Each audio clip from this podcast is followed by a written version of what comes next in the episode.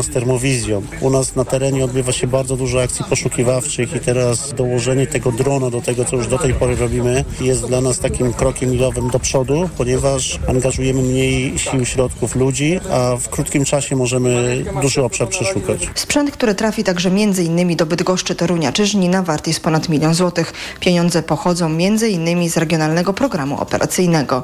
Agnieszka Wynarska, TOK FM. Informacje sportowe. Michał Waszkiewicz, zapraszam. Tu już nie ma miejsca na błędy. Polscy piłkarze po trzech meczach eliminacji Euro 24 mają na koncie tylko trzy punkty, dlatego potrzebują sześciu w dwóch najbliższych meczach, by zachować szansę na awans. Dziś zadanie w teorii najłatwiejsze z możliwych. Zagramy z Wyspami Owczymi. Znamy już jedenastkę, na którą postawił dziś Fernando Santos, ale o tym już prosto ze Stadionu Narodowego opowie Przemysław Pozowski. Skład to można powiedzieć wspomnień czar, bo i uśmiechnąłby się Adam Nawałka, no i roześmiałby się pewnie Czesław Michniewicz, widząc pierwsze 11 swojego ulubionego zawodnika, swojego obecnego zawodnika w Lidze Arabii Saudyjskiej, czyli Grzegorza Krychowiaka. On dziś od pierwszej minuty, oczywiście także Robert Lewandowski, także Arkadiusz Milik, także tutaj to nawiązanie do fantastycznego Euro 2016, ale zaraz, zaraz, my walczymy o Euro 2024, więc oczywiście świeża, młoda krew też jest. Jakub Kamiński z Wolfsburga, chociaż on ostatnio tam gra e, malutko. E, jest także e, Michał Skóraś, no a poza tym dość spodziewany blok obrony i Wojciech Szczęsny w bramce ze Stadionu Narodowego w Warszawie. Przemysław Pozowski, TOK FM. Dodam tylko, że w obronie zagrają Bartosz Bereszyński, Jakub Kiwior, Jan Bednarek i Tomasz Kędziora. Początek meczu o 20.45. Tymczasem znamy już nazwisko sędziego, który poprowadzi niedzielny mecz Polaków w Albanii. To Hiszpan Jose Maria Sanchez. Prowadził on m.in. mecz Polska-Włochy w Gdańsku w ramach Ligi Narodów trzy lata temu, zakończony bezbramkowym remisem. Albańczycy dziś też grają o 20.45. Zmierzą się w Pradze z Czechami. Koszykarze dwóch nadbałtyckich krajów, Łotwy i Litwy, zmierzą się w sobotę w Manili o piąte miejsce Mistrzostw Świata. W pierwszych meczach o miejsca 5-8 Łotysze pokonali Włochów 87 do 82, a Litwini Słoweńców 100 do 84. A jutro czekają nas półfinały. Faworyzowani Amerykanie zmierzą się z Niemcami. Będzie ciężko, uważa trener USA Steve Kerr. Zagraliśmy bardzo fizycznie, agresywnie w ćwierćfinale i trzeba będzie to powtórzyć, żeby pokonać Niemców. Moim zdaniem to chyba najlepszy zespół na tym turnieju. Nie przegrali żadnego e, meczu. E, Są silni jako e, zespół, bardzo dobrze prowadzeni przez trenera. Są też mocni fizycznie, dlatego będziemy musieli zagrać świetnie, żeby ich pokonać. W drugim jutrzejszym półfinale Serbia zagra z Kanadą. Pogoda. Jutro znów słonecznie w całym kraju, nigdzie nie powinno padać, a na termometrach 25 stopni w Katowicach, 27 w Łodzi i Warszawie, do 30 w Szczecinie. Radio TOK FM. Pierwsze radio informacyjne. Debata TOK FM. 6 minut po godzinie 20 rozpoczynamy cykl wyborczych debat w Radiu Tok FM. W każdy wtorek i w każdy czwartek będziemy rozmawiali z politykami kandydującymi do parlamentu o tym, co najistotniejsze, a przejrzeliśmy kilka badań opinii publicznej. Z wszystkich wynika, że z tych tematów, które są istotne w kampanii przedwyborczej, są istotne dla nas jako społeczeństwa, to pierwsze i najważniejsze to zdrowie lub też e, egzekwo mm, albo na drugim, albo na pierwszym miejscu, bardzo różnie w zależności od sondaży, pieniądze, czyli to e, rosną, rosnące koszty życia lub zdrowie. Więc od zdrowia zaczynamy nasz cykl e, debat. Karolina Kłaczyńska, Małgorzata Włóczyńska i Małgorzata Waszkiewicz przygotowywały dzisiejszy program. E, realizować go będzie Krzysztof Olesiewicz, wydawać Karolina Kłaczyńska i Małgorzata Wołczyńska. Dobry wieczór, mówi Paweł Sulik.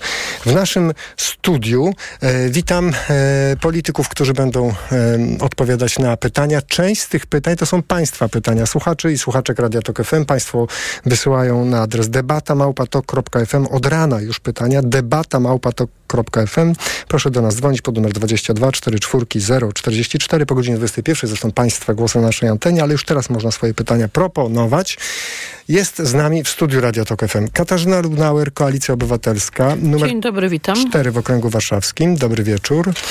Jest z nami również Marek Rutka, Lewica, numer 2 w okręgu gdyńsko-słupskim. Dobry wieczór. Dobry wieczór panie redaktorze, dobry wieczór państwu. Dariusz Klimczak, Trzecia Droga, numer 1 w okręgu piotrkowskim. Dobry wieczór. Dobry wieczór, kłaniam się. A zdalnie jest z nami Bolesław Piecha, Prawo i Sprawiedliwość, numer 1 w okręgu rybnickim. Dobry wieczór.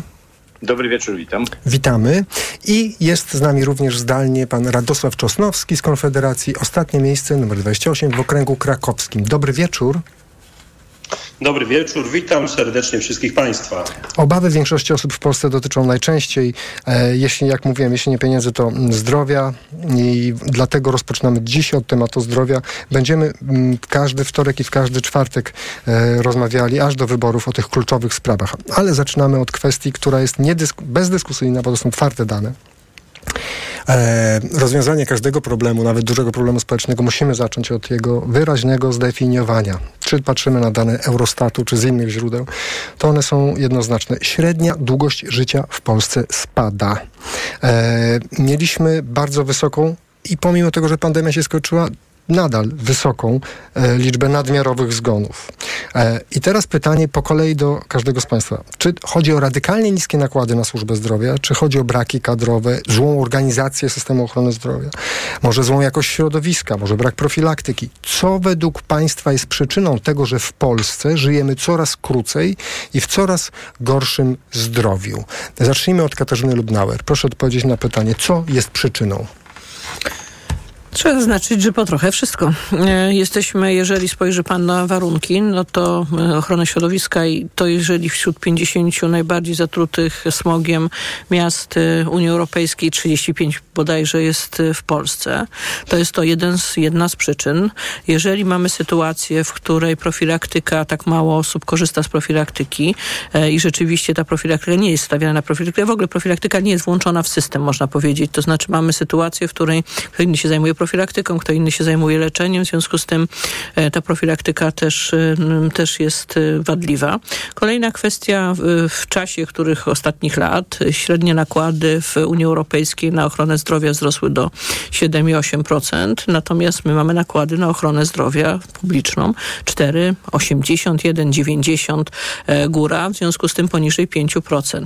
E, Takie minimum, które uważane jest za bezpieczne, to jest około 7%. W związku z tym 6,8 mówi Światowa Organizacja I Zdrowia. nie można oszukiwać społeczeństwa polskiego, bo to jest jedyna dziedzina, w której okazuje się, że próbuje się mm, zakłamywać rzeczywistość, że jest to 6%, ale liczone dwa lata do tyłu. W związku z tym, ponieważ w międzyczasie silnie wzrosło PKB, w związku z tym realnie to jest 4,9 e, mniej więcej po, e, po jakichś nowelizacjach. Czyli mamy do czynienia e, z kilkoma elementami, które się składają na jedno. Źle zorganizowany system, niskie, za niskie nakłady, bardzo słaby dostęp do profilaktyki e, i ta profilaktyka źle zorganizowana, ale również zatrucie środowiska, bo jak powiedziałam, na przykład jeśli chodzi o smog, jesteśmy no niestety też e, w smutnej czołówce. Bolesław Piecha, co można zrobić, y, to za chwilę o tym będziemy rozmawiali, ale co jest przyczyną? Co według Pana jest przyczyną tego, że w Polsce żyjemy coraz krócej?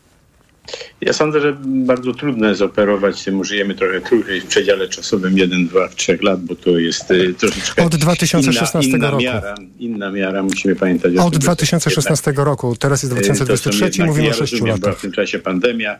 Y, Wszystko rozumiem, zawsze można manipulować y, liczbami. Tak, żyjemy trochę krócej, pandemia się do tego przyczyniła, natomiast oczywiście, że są pewne y, paradygmaty, które, o których musimy pamiętać.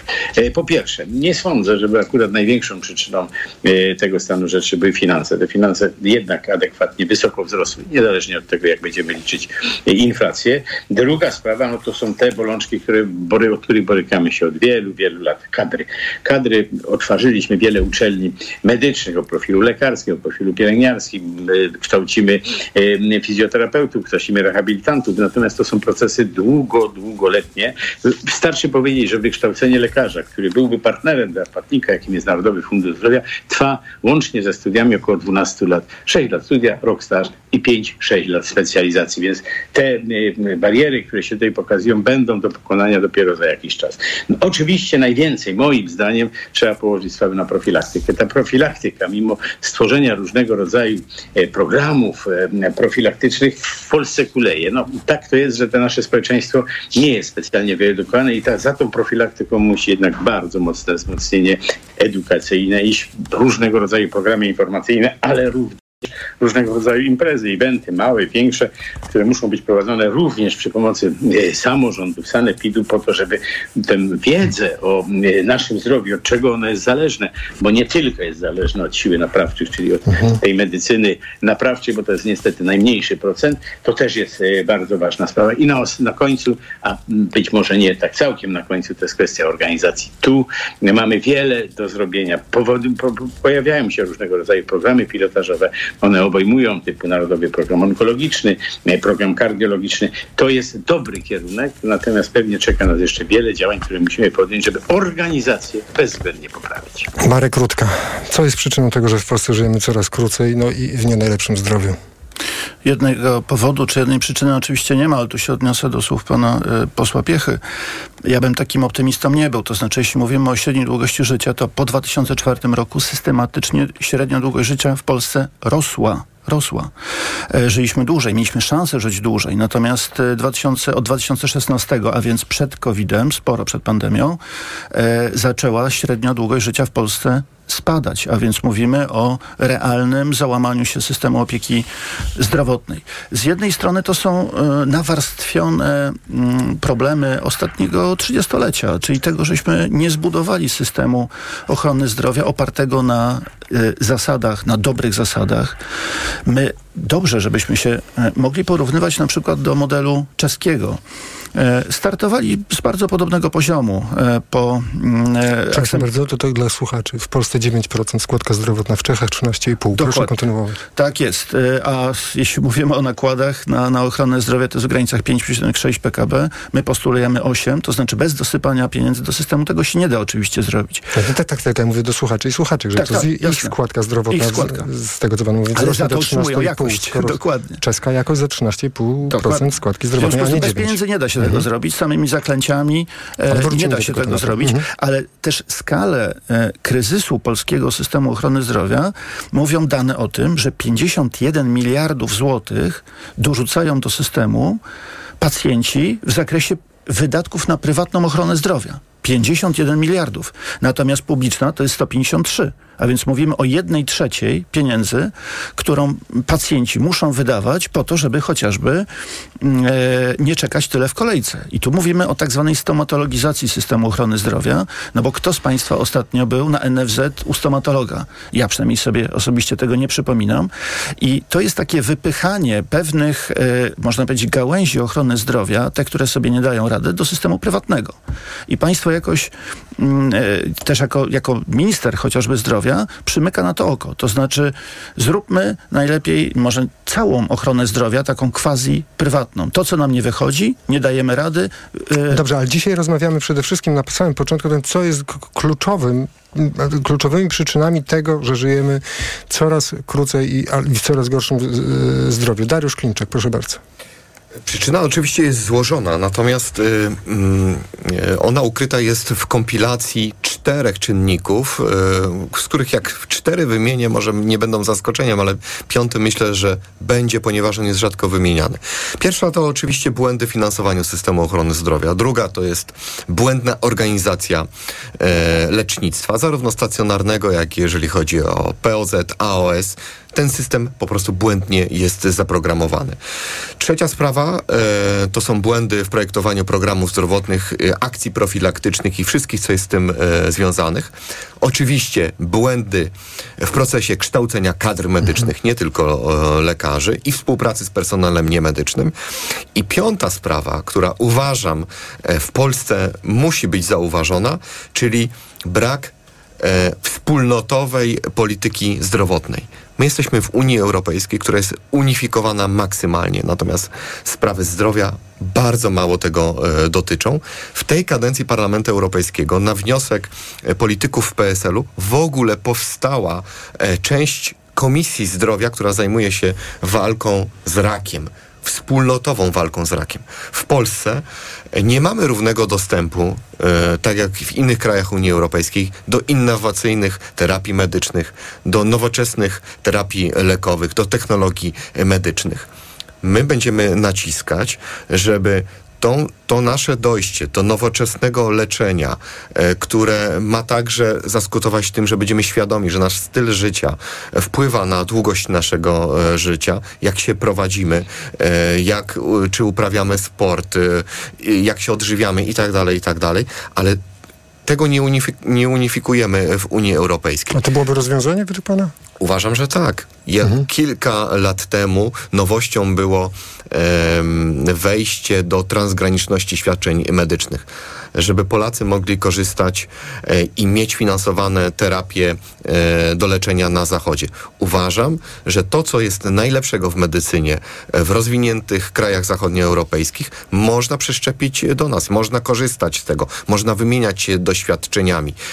Naprawdę unifikujemy wszystko w całej Unii Europejskiej. Śrubujemy zarobody e, rozwiązaniem medyczne. większości problemów... A, a nie zajmujemy się zupełnie unifikacją profesjonalnego leczenia pacjentów w całej Europie. Czy może jedno adwocem? Za zdanie? No ale to bardzo krótko. Znaczy, po pierwsze, oczywiście to chyba wniosek całej IPP, bo tam zdaje się przewodniczącym jest Arłukowicz z Platformy Obywatelskiej. Nie miał z To tym jest- nic wspólnego. Dobrze, ale nie o to mi chodziło. Chodziło mi o to, że rzeczywiście chodzi też o politykę lekową, której brakuje, która powinna być wspólna europejska. Tak, jest zapowiadana, natomiast uważam, że to jest przyszłość. E, k- W przyszłym roku wybory do Parlamentu Europejskiego. Wiem, że my mówimy dzisiaj o tym, ale ja jako polityk polskiego Sejmu uważam, że w Unii Europejskiej śrubujemy unifikację w różnych niepotrzebnych obszarach funkcjonowania naszej wspólnoty, a odpuszczamy całkowicie Tak, zdrowie. ale to gło- mogłoby nam pomóc. Głos teraz ma Radosław Czosnowski. Proszę mówić. Sytuacja jest złożona i nawiązując do wypowiedzi jednej pani premier, wskutek błędów ostatnich 18, a nawet nie boję się powiedzieć 22 lat, mamy taką, a nie inną sytuację. Y, Popełnione zostały przez w ciągu ostatnich ponad 20 lat liczne błędy doprowadzające do całkowitej właściwie dezorganizacji systemu ochrony zdrowia.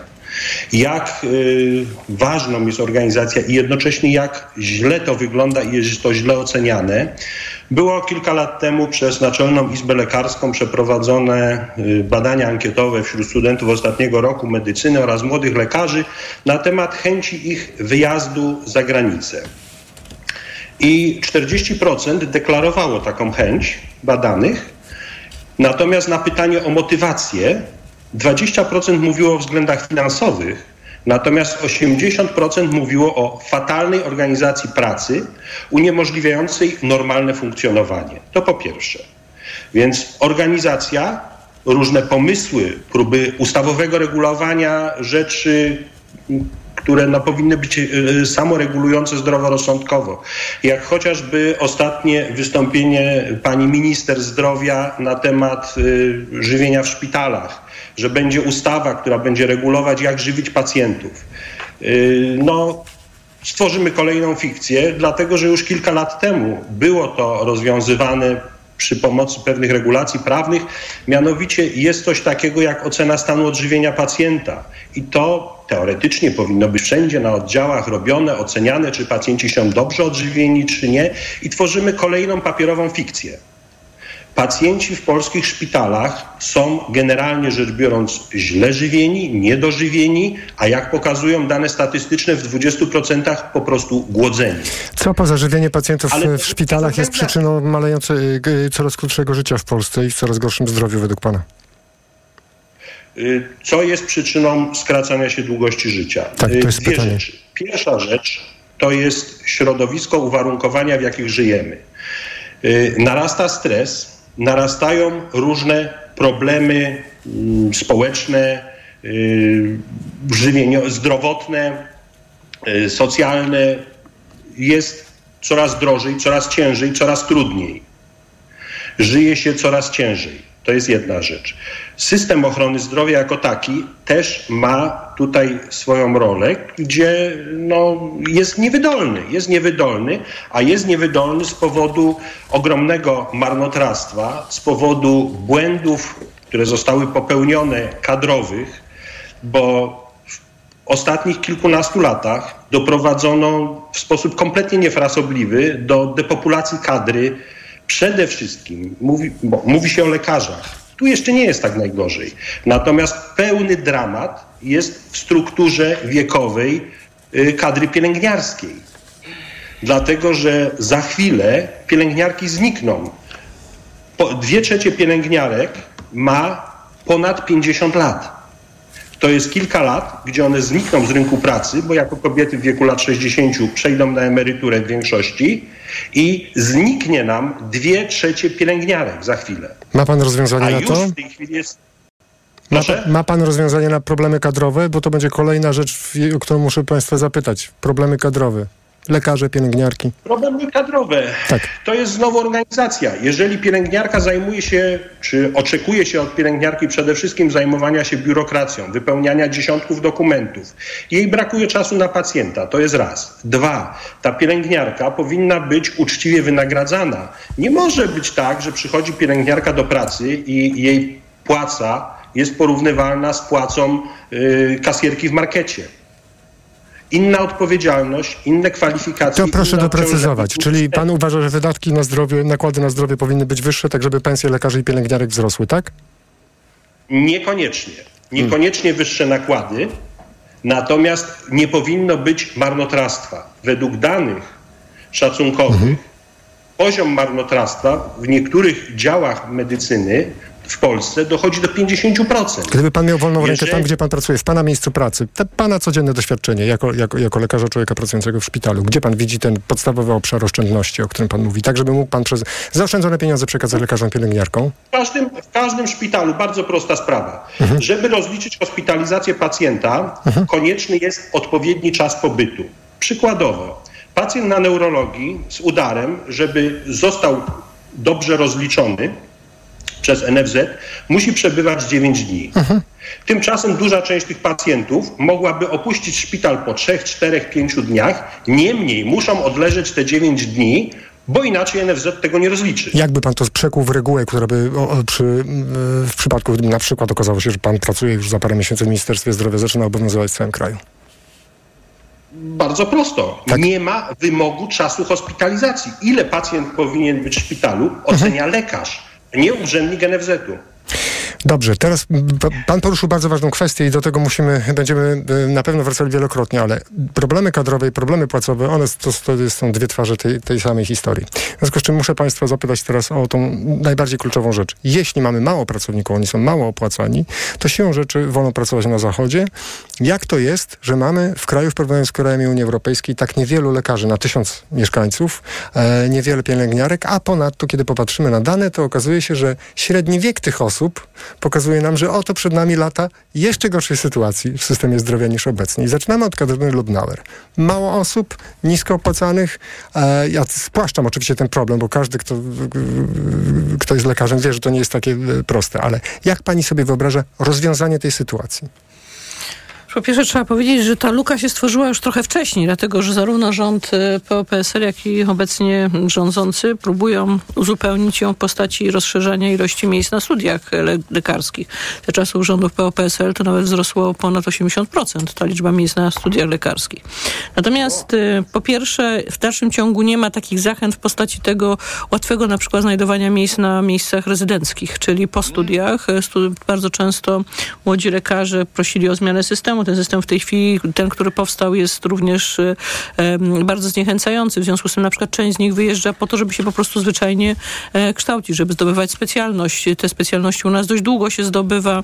E, w dodatku jeszcze, no mówię, jest taka sytuacja, że ci lekarze w tym okresie zdobywania specjalności też nie są specjalnie dobrze płatni, a mówię, a dodatkowo na przykład brakuje tych miejsc nawet na tych, y, na tych specjalnościach, które są deficytowe, czyli których teoretycznie, znaczy zwiększa się, na przykład w tym roku zwiększyło się niby o 40% liczba miejsc y, na specjalizacji, ale tych miejsc, które są rezydenckie, e, czyli te, które ma pewność młody człowiek, który idzie potem się szkolić, wcale tak bardzo dużo nie ma. I na przykład w skrócie, przykład, pani rozwiązanie widzi w ten sposób, że co roku rzeczy. czytamy rozporządzenie ministra związanego z, dokładnie z procentami i to jest rok za rokiem Tak, z- aktualizowane? I zwiększamy liczbę również na, znaczy to za rezydenckie odpowiada państwo, czyli za rezydenckie odpowiada finansowanie ze strony państwa i na przykład w tej chwili po pierwsze trzeba w dalszym ciągu zmienić system system rekrutacji, ponieważ ten system rekrutacji zmieniono nie tak, jak oczekiwały tego młodzi lekarze, zmieniono w ten sposób, że młody lekarz tak naprawdę do końca nie wie, gdzie idzie.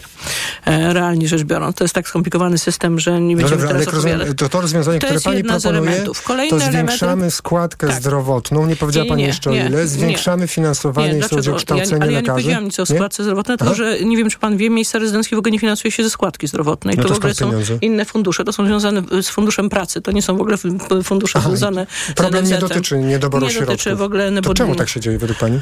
E, trudno powiedzieć. Myślę, że jest to kwestia organizacyjna na Mhm. Przykład. Kolejną kwestią jest to, To że... mam olbrzymią prośbę. Zatrzymajmy się przy tym bardzo ważnym momencie, bo wielu słuchaczy i wiele słuchaczek teraz sobie myśli, aha, czyli ten problem nie jest tak jednoznaczny, jak nam się wydawało. To nie jest tak, że nie mamy na coś pieniędzy, dlatego nie działa. Bolesław Piecha, co pan o tym sądzi? No jestem troszeczkę y, zaskoczony tą y, Aha. dyskusją, bo słyszę tutaj bardzo dziwne y, stwierdzenia. Jak już powiedziałem, no pierwszy raz się dowiedziałem, że y, 8 lat temu w czasie rządów PSL y, PO zwiększyła się jakaś dramatycznie liczba lekarzy, no to bym chcielibyśmy mieć ponad dostatkiem, a tak nie jest. Pierwsza sprawa to jest jednak kształcenie kadr medycznych. Ja nie mówię o lekarzach, mówię również o pielęgniarkach. Ten proces jest, on jest stale y, y, kontynuowany. Tych ilości uczelni kształconych nie tylko w kierunkach lekarzy i zawodów medycznych jest zde- zdecydowanie wzrósł i u wśród pielęgniarek już widać tego efekty, bo tam te szkolenie, te studia są krótsze, że już przychodzą nowe pokolenia pielęgniarek. Praca y, w szpitalu, zwłaszcza jeżeli chodzi o pielęgniarek, nie należy do najłatwiejszych. Wszystkie kraje Unii Europejskiej borykają się ze sprawą pielęgniarek. Czy pielęgniarka musi mieć e, wyższe wykształcenie? Tak, na dzisiaj po to, żeby pielęgniarka mogła pracować w Unii Europejskiej, musi mieć wyższe wykształcenie. To jest kanwa, to jest postulat, który musieliśmy Od razu powiem, przyjąć panie doktorze, że pomyliłam się. Nie o Pani mi nie 80, wchodzi, ja pani nie tylko o 92%. Ja pani nie przeszkadzam. No. Słyszał pan? to jest pierwsza Pytanie do. Bolesława Druga Piechy. Pytanie do Bolesława Piechy, bo pan rozpoczął swoją wypowiedź od zakwestionowania danych. Ja nie kwestionuję danych. Ja mówię o kadrach medycznych jest stosunkowo mało. Ilość lekarzy na 100 tysięcy Nie o tym pan mówił. Powiedział no, pan, że za rządów PO-PSL nie było tak, takiego O wzrostu. 80% Tak. nie wzrosło ilość miejsc na studiach medycznych. Proszę to sprawdzić. Pani Katarzyna Lubnauer sprawdziła, że wzrosło o nie słyszałem 90. tym, Z tego co ja wiem, ale Aha. być może się mylę. Pani Katarzyna Lubnauer, pan Bolesław Piecha nie słyszał moje. pani. Proszę, moje. 80% proszę kontynuować. Jeśli, ja, czyli rozumiem, według pana sytuacja jest dobra, tak? Nie, bo ja powiedziałem, że w dalszym ciągu jest trudna i to nie, Aha. nie jest kwestia przerzucania, tylko pewna kontynuacja pewnego trendu i pewnych działań. I te działania zostały podjęte, są podjęte, są kontynuowane i te pierwsze oczywiście Mhm. wzrosty liczby lekarzy i odmłodzenie kadr, bo przecież o to również chodzi, będzie spotywane za 2, 3, 4 lata. To po pierwsze. Lepiej jest z pielęgniarkami, bo tutaj proces kształcenia jest mniejszy, natomiast oczywiście jest kwestia zachęt do tego zawodu. A czy to jest policzalne? Bo to, o czym pan mówi, jest bardzo atrakcyjnie brzmi pewnie w uszach słuchaczy i słuchaczy, którzy a to czekają do specjalistów, a to gdzieś się nie mogą dostać. Proszę powiedzieć, w perspektywie ilu lat dojdziemy do średniej europejskiej, jeśli chodzi o ilość pielęgniarek i Myślę, lekarzy że mamy na perspektywę tysiąc obywateli? sześcioletnią. Wcześniej nie uda nam się tego osiągnąć. Chyba, chyba, że szeroko otworzymy granice dla lekarzy z Ukrainy, Białorusi, etc., etc. Pan jest Co za tym rozwiązaniem, tak? Środowiska lekarskie bardzo mocno A pan? kontestują. Tam specjalizacja trwa znacznie krócej, A pan, ale pan co sądzi o tym pomyśle? E, żeby sprowadzić lekarzy tam z tej granicy. Można, tylko musiałyby oni e, e, akredytować ten swój dyplom, tak jak polski lekarz musi akredytować dyplom Stanów Czyli, że. To jest czyli nie, jest pan zwolennik, nie jest pan zwolennikiem ułatwień, czy dobrze rozumiem? I te ułatwienia, żeśmy my po raz pierwszy podjęli. Ja pamiętam, jaka była kontestacja tych Mhm. pomysłów, żeby le- lekarze z Ukrainy przyjść do Polski, po- do, dokształcić się, zdobyć jeszcze, poszerzyć te kwalifikacje, żeby ich uznać, żeby mogli samodzielnie pracować. Ale też to jest problem. Się bo w tej upieraliśmy tylko, ustawie żeby zawarty znali jest język czasem polski. 4-5 lat. No język polski też jest potrzebny. Ten lekarz póki co przez 5 lat pracuje pod nadzorem lekarzy i tylko w szpitalu, więc e, dajmy sobie spokój. Wykształcą się przez te 5 lat. To jest jedna sprawa. Jeżeli chodzi Czyli o czy ja dobrze zrozumiałem, że nie jest pan zwolennikiem dalszej liberalizacji, tak? Jestem zwolennikiem tyle tylko, y, że musimy trzymać standard wy- wykształcenia lekarza. Przecież polski pacjent oczekuje, że To, lekarz co teraz się dzieje w tej sprawie, to jest trzymanie standardu? Jeżeli chodzi o kształcenie lekarzy, tak. Te studia właśnie tak długie, z tak długą specjalizacją, to jest trzymanie Przepraszam, jeszcze tylko takie pytanie dodatkowe. A wie pan, ile osób z Ukrainy y, pracuje teraz w y, ochronie zdrowia w ja Polsce? tutaj danych nie mam oficjalnych, ale na pewno to jest parę tysięcy. Oni pracują w polskich szpitalach pod nadzorem lekarza, pod nadzorem kierownika, który ma za to, y, pobiera odpowiednią opłatę. Są zobowiązani po to, żeby pod jego nadzorem ten lekarz pracował. Marek żeby teraz z Lewicy. Mhm. prawo wykonywania. Marek Rutka, proszę. Jeśli mówimy o kadrach medycznych, to wydaje się, że największym problemem jest odpływ kadry medycznej systemu. Jeśli mówimy o pielęgniarkach, które są przeciążone pracą, e, dzisiaj nawet e, Związek Zawodowy e, Pielęgniarek i Położnych prowadzi taką akcję billboardową, w której opisuje jedna pielęgniarka na nocnym dyżurze na 40 pacjentów. To są realia polski, polskich szpitali. Średnia unijna to jest 9 pielęgniarek na 1000 mieszkańców. W Polsce 5,1. W województwie pomorskim 3,4. Nie da się zapewnić odpowiedniej opieki e, chorym przy przepracowanych, przemęczonych i e, no, coraz starszych pielęgniarkach. Jeśli rozmawia się ze studentami ostatnich e, lat studiów medycznych, to oni mówią, że to, co ich pociąga do wyjazdu za granicę, to nawet nie jest kwestia zarobków. Kwestia organizacji pracy. Ale dobrze, ale, co, ale to co pan proponuje w tym? Co państwo proponują? My proponujemy, żeby polski pacjent miał standard obsługi e, i w szpitalu i, i także mm, liczby kadry takie jak na zachodzie. A to skąd się wezmą ci Ale do pracy? trzeba, nie, ale oni są. Oni są. Oni są w systemie, e, pracują, pracują często w e, prywatnych gabinetach, dorabiają tam sobie, e, a chodzi o to, żeby zostali w publicznej ochronie zdrowia. Ale dzisiaj naprawdę najważniejszym elementem jest to, żeby od, e, zatrzymać odpływ kadry. Bo jeśli ja jestem z e, województwa pomorskiego, i jeśli w, pielęgniarki się uczą i na ostatnim roku swojej edukacji e, firma rekrutacyjna szwedzka oferuje im rok płatnego, płatnej nauki języka i te pielęgniarki, bo w statystykach fajnie wychodzi, że my dużo kształcimy, tylko że one zaraz wyjeżdżają za granicę, a nie trafiają do polskich szpitali. Ale to zaraz pan Bolesław Piecha powie panu, jak to zrobić, żeby nie wyjeżdżały pielęgniarki i lekarze za granicę, prawda? Co Ale ja mówić? myślę, że pan poseł Rudka wie, no trzeba zapłacić A to dobrze, do, i to panie, panie pośle, to wróćmy, wróćmy do, e, do obrad Sejmu w lipcu i do tego, jak pani Krystyna Ptok prezentowała obywatelski projekt, mm, e, pod którym podpisało się 200 tysięcy pielęgniarek i położnych, który Tak. gwarantował wynagrodzenie uzależnione od poziomu wykształcenia pielęgniarki. Od Bo poziomu dzisiaj mamy, kwalifikacji. dzisiaj mamy, i wyście wyrzucili to y, do niszczarki.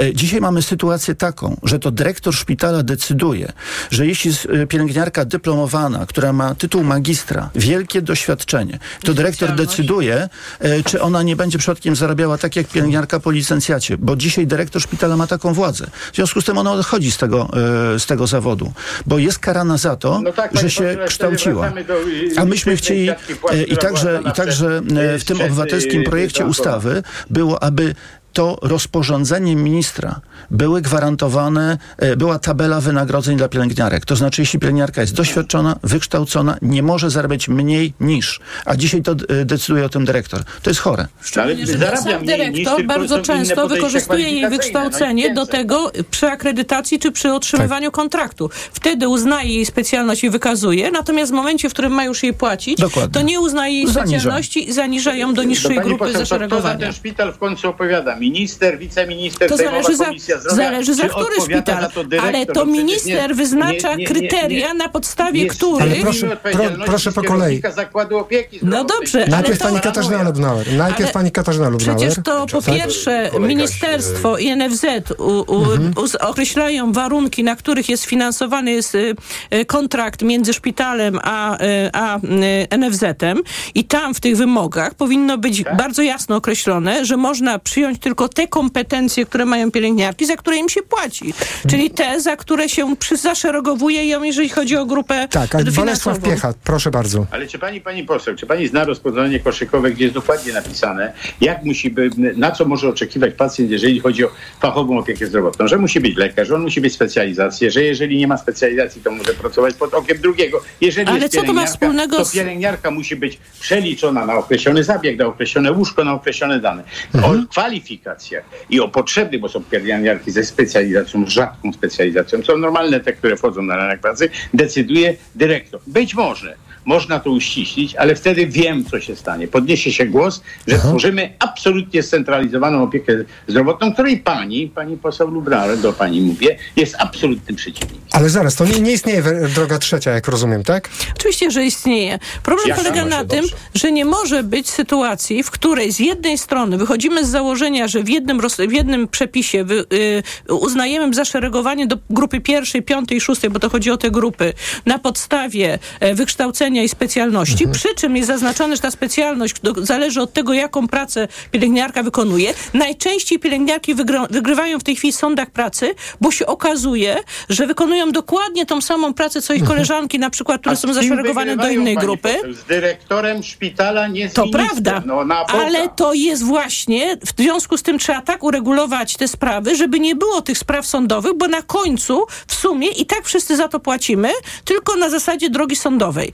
I Czyli jeżeli... likwidować dyrektorów, Nie. będzie oszczędzać. E, tylko Tak, przyjąć mówił Ale przecież Piecha. wprowadziliście sztywne widełki dotyczące zaszeregowania pielęgniarek, tylko nie wpisaliście, że to zaszeregowanie ma być zgodne z ich wykształceniem i specjalizacją, a nie zgodne z tym, z widzimisię nazwijmy to dyrektora, który zaszereguje je tak, żeby płacić jak najmniej, bo dostaje za Myślę, mało pani pieniędzy. profesor, że obraża pani bardzo nie, dużo ponieważ ten dyrektor nie ma pieniędzy, bo za waszych czasów e, zadłużenie szpitali wzrosło z 10,8 miliarda złotych do 19 miliardów w czwartym Ten kwartale. temat jeszcze A się zauważmy, pojawi, że nie wiemy, jak wygląda teraz- w czwartym kwartale zeszłego roku. Tak, Ile to jest teraz kolejnych dwóch kwartałach Dajmy tego roku. jeszcze głos Dariuszowi Klinczakowi, który przysłuchuje się. Proszę bardzo. Tak? Można. Kryzys kwestii. kadr medycznych w Polsce jest faktem i on, odkąd rządzi Prawo i Sprawiedliwość, niestety nadal się pogłębia. A szukamy rozwiązań teraz. Szukamy rozwiązań. E, Kryzys kadr medycznych dotyczy nie tylko lekarzy, dotyczy wszystkich innych zawodów medycznych, także ratowników medycznych. Pamiętamy pandemię, kiedy zmieniane były kilkukrotnie przepisy, kiedy kierownikiem karetki mogłyby zostać osoby, które jeszcze rok przed pandemią byśmy nie pomyśleli, że osoba e, z tymi kwalifikacjami, tym doświadczeniem zostanie kierownikiem e, karetki. Wszystko to ze względu na to, że po prostu tych zawodów medycznych nie ma, brakuje. Dlaczego tak się dzieje? E, dlaczego ci ludzie uciekają za granicę? To są kwestie i wynagrodzenia, i organizacji pracy, i możliwości czytelnego awansu, możliwości rozwoju. Wszystko to na zachodzie Europy jest lepsze, łatwiejsze i szczególnie studenci medycyny widzą to już w trakcie e, studiów. A decyzja zapada w momencie, kiedy starają się o przyjęcie na specjalizację, o miejsce rezydenckie. Kiedy ja widzę nabory, czy wiosenny, czy jesienny na specjalizację i widzę na przykład w województwie lubelskim, że nie ma ani jednego miejsca na urologię. Kiedy widzę oczywiste, o, oczywiste problemy e, dotyczące małej liczby specjalizacji, we mnie krew się gotuje. A dlaczego Mu- jest mała musimy jest to- liczba specjalizacji? Tego się nie da do kwestii e, finansowania z... e, Jakiego finansowania? Finansowanie może jest jakąś tam e, Aha, to, to gdzie, gdzie jest problem i jak go rozwiązać? w tym, kto decyduje o tym, ile tych specjalizacji mamy, czy te miejsca na specjalizację się znajdą, znajdzie się opiekun i tak dalej. Generalnie organizacja e, systemu ochrony zdrowia na łączności e, ze szkoleniem specjalizacyjnym po prostu w Polsce leży. I jeżeli tego nie zreformujemy, dobrymi chęciami nic e, nie zrobimy. Ale musimy dać głos. Radosław Czosnowski, proszę teraz o zabranie głosu. Ale Tak, teraz to- Radosław Czosnowski ma głos, bo go miał relatywnie najmniej. Słuchamy pana. Ciężko, ciężko, ciężko się dopchać do głosu, Proszę szczególnie mówić. w momencie, kiedy takie no, robią się trochę przepychanki słowne. Yy, uwagi takie. Yy, lekarze z zagranicy w żaden sposób nie rozwiążą problemu, mimo yy, no, dość takich paranoicznych pomysłów Ministerstwa Zdrowia, gdyż swego czasu Ministerstwo Zdrowia ustami swojego ministra yy, byłego już Niedzielskiego y, stwierdziło, że lekarz obcokrajowiec nie musi znać języka polskiego, nie musi być weryfikowana jego znajomość języka, w którym ma leczyć pacjentów. I z codziennej praktyki widzimy, spotykamy kolegów Białorusinów, Ukraińców, którzy mają ogromny problem w dogadaniu się z pacjentem i robią szkolne, kardynalne błędy. To raz. I Jakby pan rozwiązał ten jest problem? poziom- Radosław Czosnowski, jak pan rozwiązuje No. ten problem? Kursy językowe, czy przyjmuje pan po egzaminie językowym? Jak pan robi? Językowa. No, Aha. jeżeli, jeżeli człowiek chce jechać pracować w Niemczech czy w Wielkiej Brytanii, musi mieć na poziomie B znajomość języka. Kropka. W przedszkolu językowym w Polsce trzeba mieć certyfikat, y, żeby pracować, a w szpitalu nie można? Radosław Czosnowski, proszę. To jest, to jest jedna rzecz. Druga rzecz, kwestia wynagrodzeń, płacy i tak dalej. Dyrektor będzie płacił po minimach z jednego bardzo prostego powodu.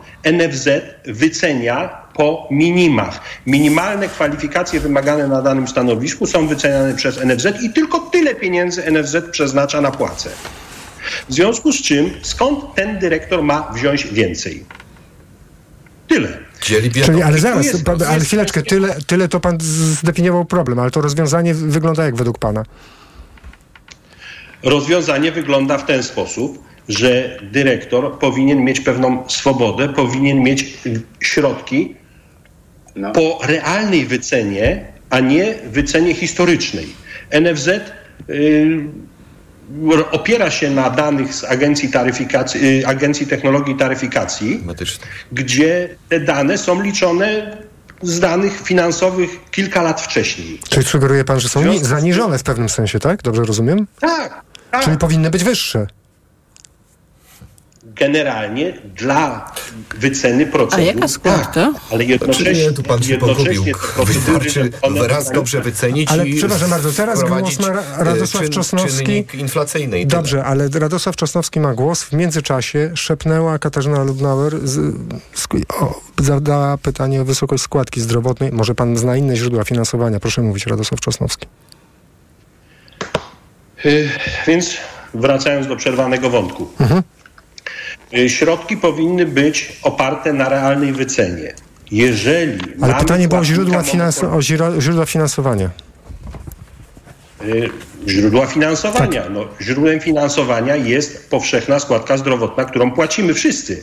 Najniższy, jedno z najniższych w Europie. Właśnie dzięki niej mamy tak niską wycenę. Y, Nie zupełnie, dlatego że y, tak niską wycenę i taki problem mamy dzięki płatnikowi monopoliście. Bo jedno, z jednej strony mamy niską wycenę, mamy problemy z y, płatnościami, ale z drugiej strony rok w rok NFZ ma kilkumiliardowe oszczędności, które może przekazać do dyspozycji premiera. Ale to zaraz, pan, Pan pan uważa, że są... Nie zna pan usta. Ale to prawda, że 10 miliardów w zeszłym roku mieli, które nie wykorzystali, co jest też dla mnie kuriozalne w sytuacji tak dużego Nie, no, zadłużenia. poszło na węgiel. No nie, no to system finansowania Mam prośbę, zatrzymajmy się na chwileczkę.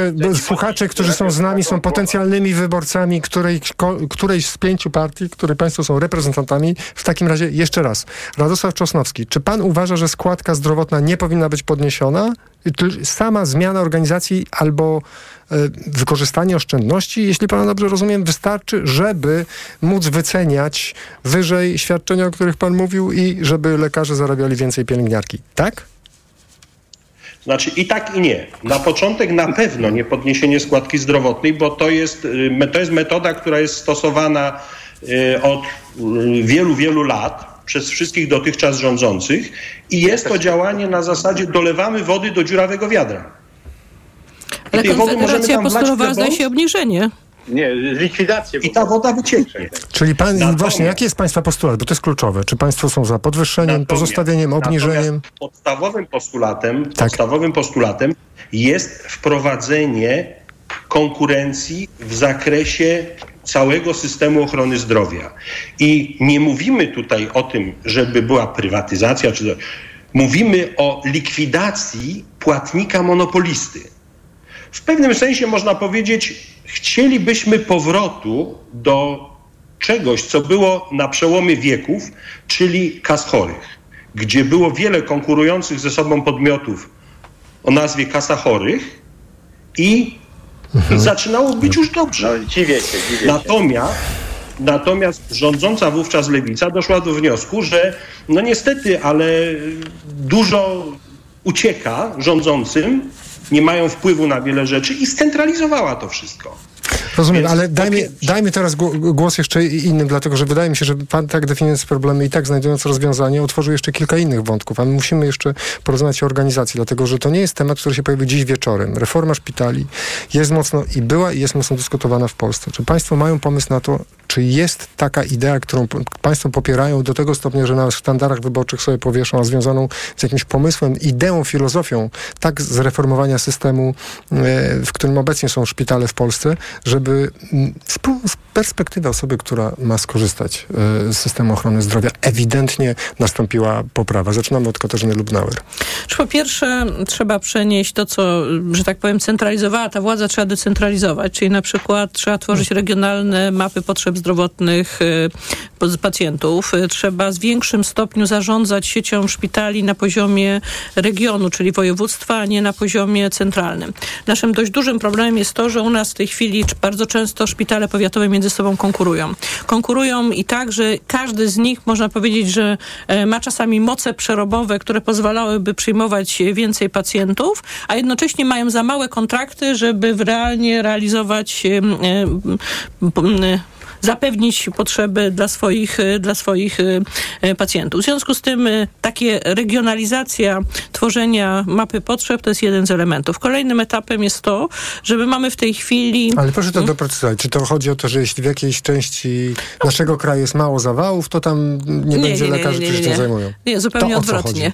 My mamy, jesteśmy podzieleni w tej chwili na 16 województw i możemy sobie dość łatwo wyobrazić, że jeżeli po odliczeniu oczywiście tych pieniędzy, które idą na szpitale, które mają charakter centralny, czyli kliniki, takie szpitale jak Centrum Zdrowia Matki Polki, jak e, Centrum e, Dziecka, Centrum Zdrowia Dziecka, e, mamy pewną pulę pieniędzy, którą można podzielić e, na e, proporcjonalnie do liczby mieszkańców danego województwa. I potem w ramach tej puli województwa mogą tworzyć w porozumieniu z władzami powiatów, w porozumieniu z tymi, którzy prowadzą e, szpitale, e, z kontrakty dla poszczególnych jednostek, tak żeby każdy pacjent miał w ramach tej mapy, tej mapy potrzeb dostęp do, nie wiem, ginekologa i do położnictwa, e, do, do lekarza e, dotyczącego kardiologa, do oddziału takiego szpitalnego. W tej chwili mamy bardzo często sytuację, w którym e, powiaty konkurują ze sobą, mając bardzo blisko tą samą e, oddział o tej samej specjalności i w momencie, w którym tak naprawdę trwa walka nawet o lekarza, który będzie zatrudniony na jednym lub drugim oddziale. I na przykład zdarza się, że jeden powiat wykupuje szpital, drugi, po to tylko, żeby bardziej racjonalnie ustawić w nich, który oddział szpitalny jest w którym z tych dwóch szpitali, żeby one ze sobą nie konkurowały i żeby na przykład tylko w jednym z nich było położnictwo, a nie w obu, i ponieważ przy zmniejszającej się liczbie rodzących się dzieci, oba tak naprawdę nie mają w pełni wykorzystanych możliwości. To jest, je, to jest jedna z tych możliwości, którą trzeba. Po drugie, my musimy rzeczywiście zmienić tutaj w wypowiedzi pana Trzaskowski- Trzaskowskiego i była jedna rzecz, która jest racjonalna. My w małym stopniu korzystamy z czegoś, co byśmy nazwali szpitalem jednego dnia. Szpitale, które przyjmują w krót, na krótkie okresy, e, m, którym dokonuje się zabiegu, dokonuje się leczenia, e, mają szansę na mniej powikłań, mają szansę na jakby e, zoptymalizowanie kosztów i tak dalej. Natomiast problemem jest to, że wycena w tej chwili i kontrakty są tak zbudowane, że jakby wymuszają na tych e, szpitalach to, że ktoś leży kilka dni zamiast być pacjentem Tak. jednego dnia. Radosław Czyli to jest kwestia. Tak. tak, i to jest kwestia, którą też jedno z tych elementów, które trzeba zracjonalizować. Tam jest więcej takich elementów, które właśnie są organizacyjne. Mhm. Rozumiem, ale ten ruch rola- spowodowałby rzeczywiście taką dotykalną zmianę dla to osób, by które korzystają. Dokładnie. Dobrze, to byłaby dotykalna teraz, zmiana dotycząca dajmy finansowania. teraz- Szczególnie, że ja powiem jeszcze tylko ostatnie zdanie, Króciutko. że ym, ustawa o sieci szpitali, pierwsza zmiana, Mhm. którą wprowadził pan Radziwiłł, albo jedna z pierwszych zmian, które prowadził minister Radziwiłł, jest nawet negatywnie oceniona przez sam PiS, co jest w dokumencie, jakim jest KPO, gdzie jest napisane wprost, że Mhm. e, ta reforma się nie powiodła. Bolesław Piecha, proszę. Y, y, Oczywiście, że mm, takich problemów, które tu jest poruszane, jest bardzo wiele. Ja sądzę, że przede wszystkim to jest kwestia planu potrzeb zdrowotnych. One są wojewódzkie, połączone w centralne, bo też centrala, czyli ministerstwo musi jakby tym zawiadywać. Y, Ja rozumiem e, panią poseł Lenarę, że bardzo łatwo by się by mówiło, że zbudować e, w województwie lubelskim dodatkowy szpital, czy mm, na Ja o Warmii i Mazurach. Natomiast, natomiast trzeba by było w międzyczasie zlikwidować pięć szpitali w Warszawie, no bo tak, bo też mamy placówki ochrony zdrowia nierównomiernie rozmieszczone. Tradycyjnie one są rozmieszczone albo w wielkich aglomeracjach, albo też tam, gdzie jest sporo ludzi, tam, gdzie też były tradycyjnie dawne akademie, a dziś uniwersytety medyczne. To jest pierwszy problem. Ale ma pan rozwiązanie tego problemu, o którym pan przed chwilą powiedział? Bolesław Piecha, czy ma pan, czy ma pan rozwiązanie tego problemu, o którym pan teraz powiedział? Proszę? Czy ma pan rozwiązanie tego problemu, że No historycznie, mówię, tradycyjnie... trzeba jednak doskonalić tą sieć szpitali. To jest pierwsza sprawa. I są dwa pomysły. Albo zrobić to y, siłami y, samorządów, co jest bardzo trudne, bo samorządy mają y, takie oto widzenie, że jak ma szpital, to jest powa- poważnym powiatem, jak tego szpitala nie ma, to jest niepoważnym. I trzeba by było skłonić do ogromnej debaty publicznej, żeby spróbować usystematyzować tak zwaną własność szpitali. Te szpitale, jednym jest minister zdrowia, jednym jest marszałek województwa, jednym jest powiat. Być może szpitale w Polsce powinny być tylko centralne, czyli główne kliniki, główne e, centra, centrum zdrowia. Ale to jest oficjalny tak program Plus Prawa i Sprawiedliwości, reszta to, to co pan teraz mówi? To wtedy łatwiej jest tym zarządzać. To musi być ogromna dyskusja i nie jest to sprawa łatwa. Czy to, co teraz pan mówi, jest oficjalnym programem Prawa i Sprawiedliwości w kwestii y, y, zdrowia? Myślę, że będziemy w tym kierunku dążyli, żeby spróbować Próbowali przejmować jednak te y, mapy potrzeb zdrowotnych. Ale mam na myśli najbliższe wybory już za chwilę.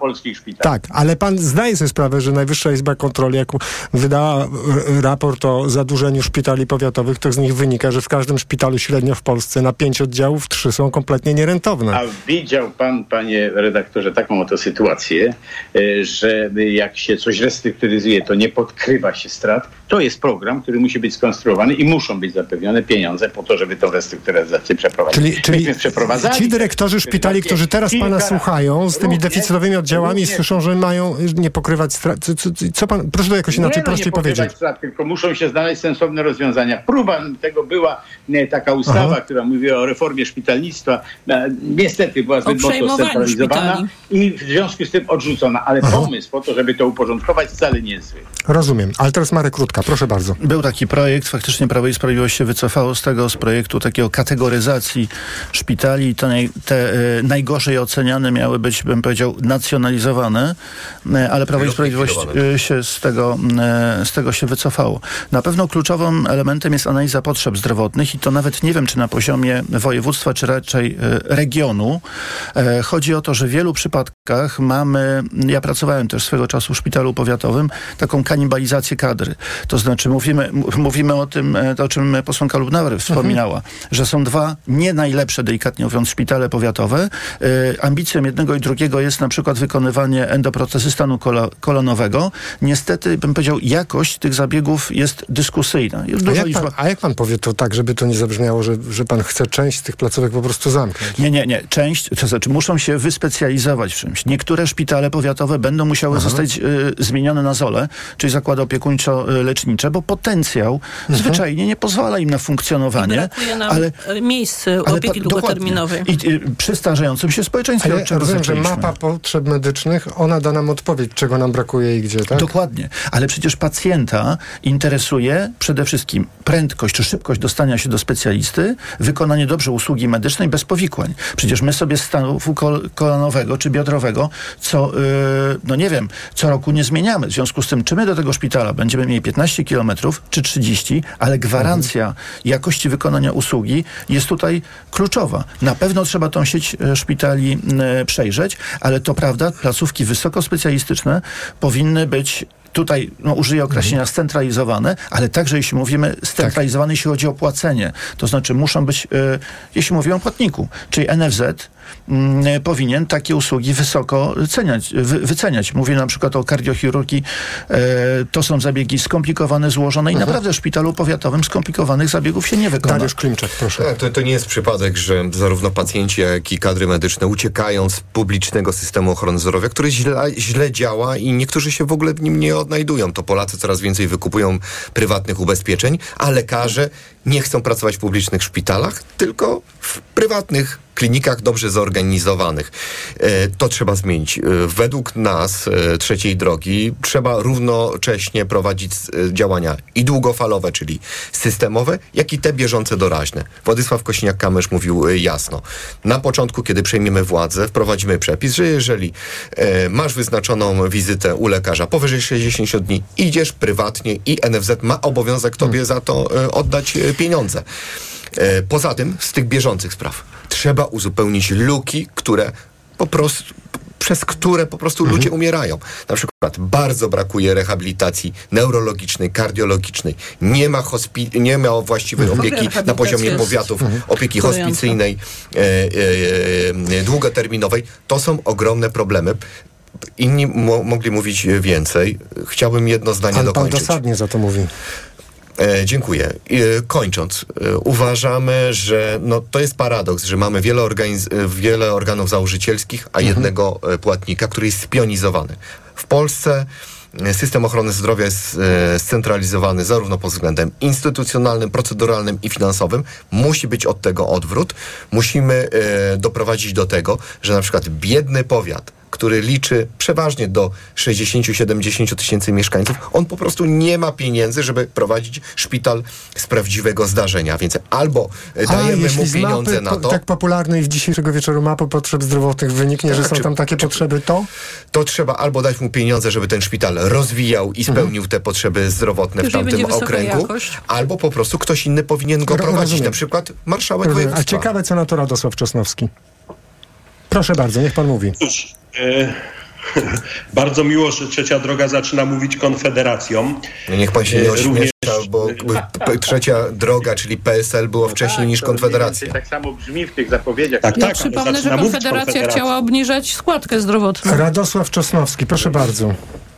Nie mówimy o obniżaniu, mówimy o racjonalizacji. To pierwsza rzecz. Druga rzecz. Mówicie o obniżeniu do Trzeba 7%. doprowadzić- Bo w tej chwili, w tej chwili, y, tak jak mówię, istotą problemu jest płatnik monopolista, który w sposób centralny Mhm. i irracjonalnie zarządza systemem ochrony zdrowia. Co tak państwo naprawdę. proponują? Co państwo proponują? System kontraktowania polega na tym, że urzędnik po uważaniu przydziela pieniądze na leczenie pacjenta, a pacjent ma iść i poszukać, gdzie poszły te pieniądze na jego leczenie.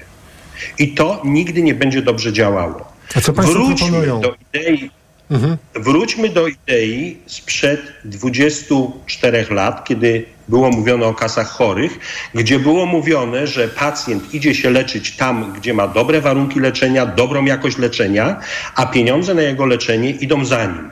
To nigdy nie zostało tak nie naprawdę tego zrealizowane. systemu, panie doktorze.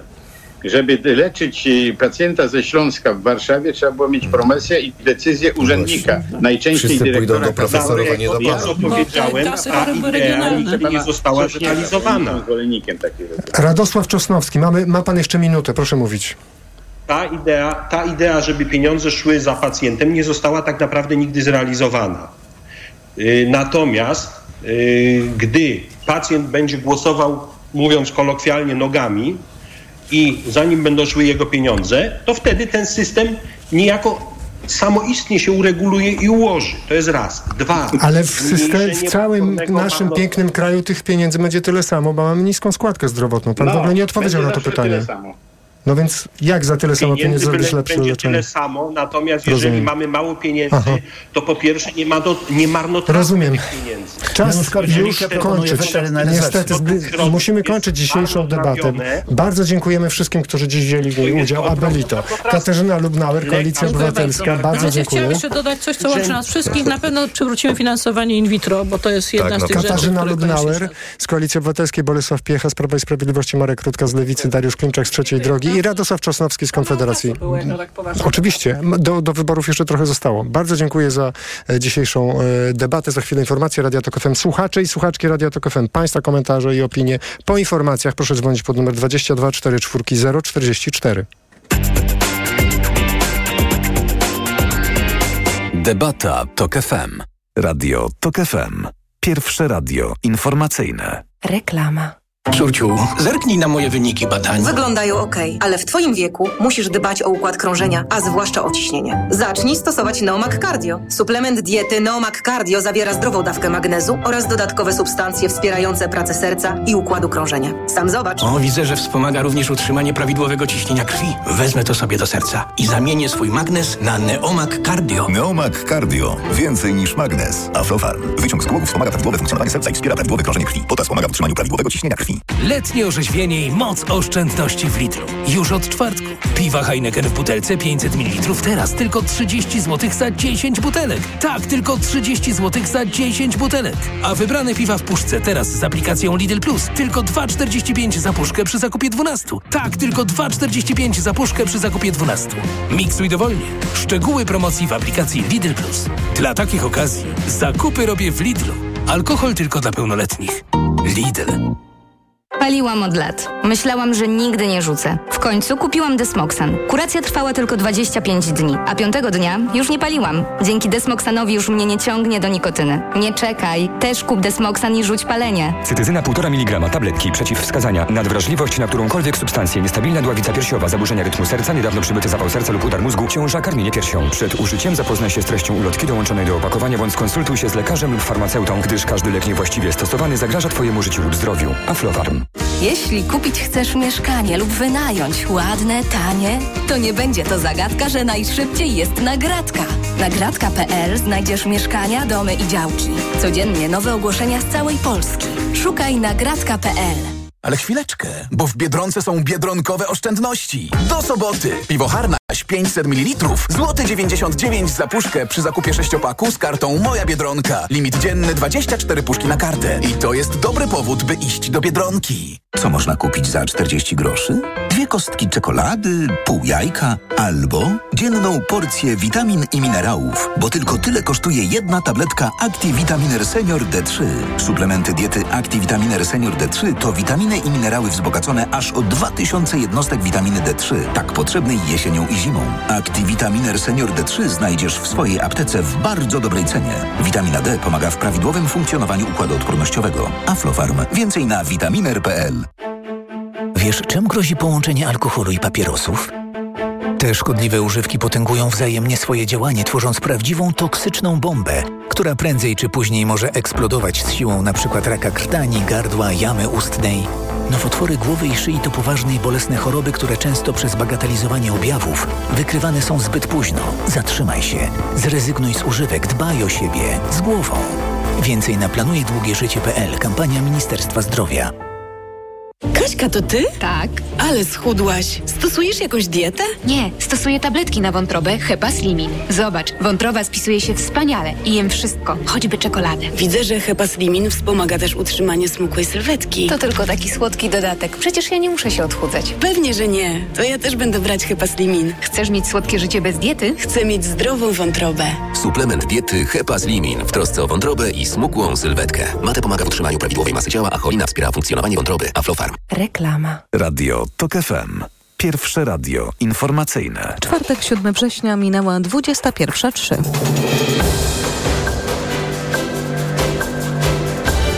Informacje TOK FM.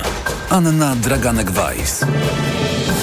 Aktywiści zajmujący się zdrowiem psychicznym są zaniepokojeni zdaniem, które znalazło się w podręczniku do religii. Czwartek okazał się najcieplejszym dniem w tym roku w Wielkiej Brytanii.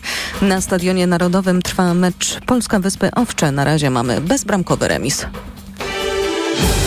Wolę umrzeć niż zgrzeszyć. To zdanie, które mogą przeczytać trzecioklasiści w jednym z podręczników do religii. Aktywiści z koalicji Tak dla prewencji suicydalnej, którzy zajmują się problemem kryzysów zdrowia psychicznego, alarmują, że takie sformułowanie zagraża dzieciom.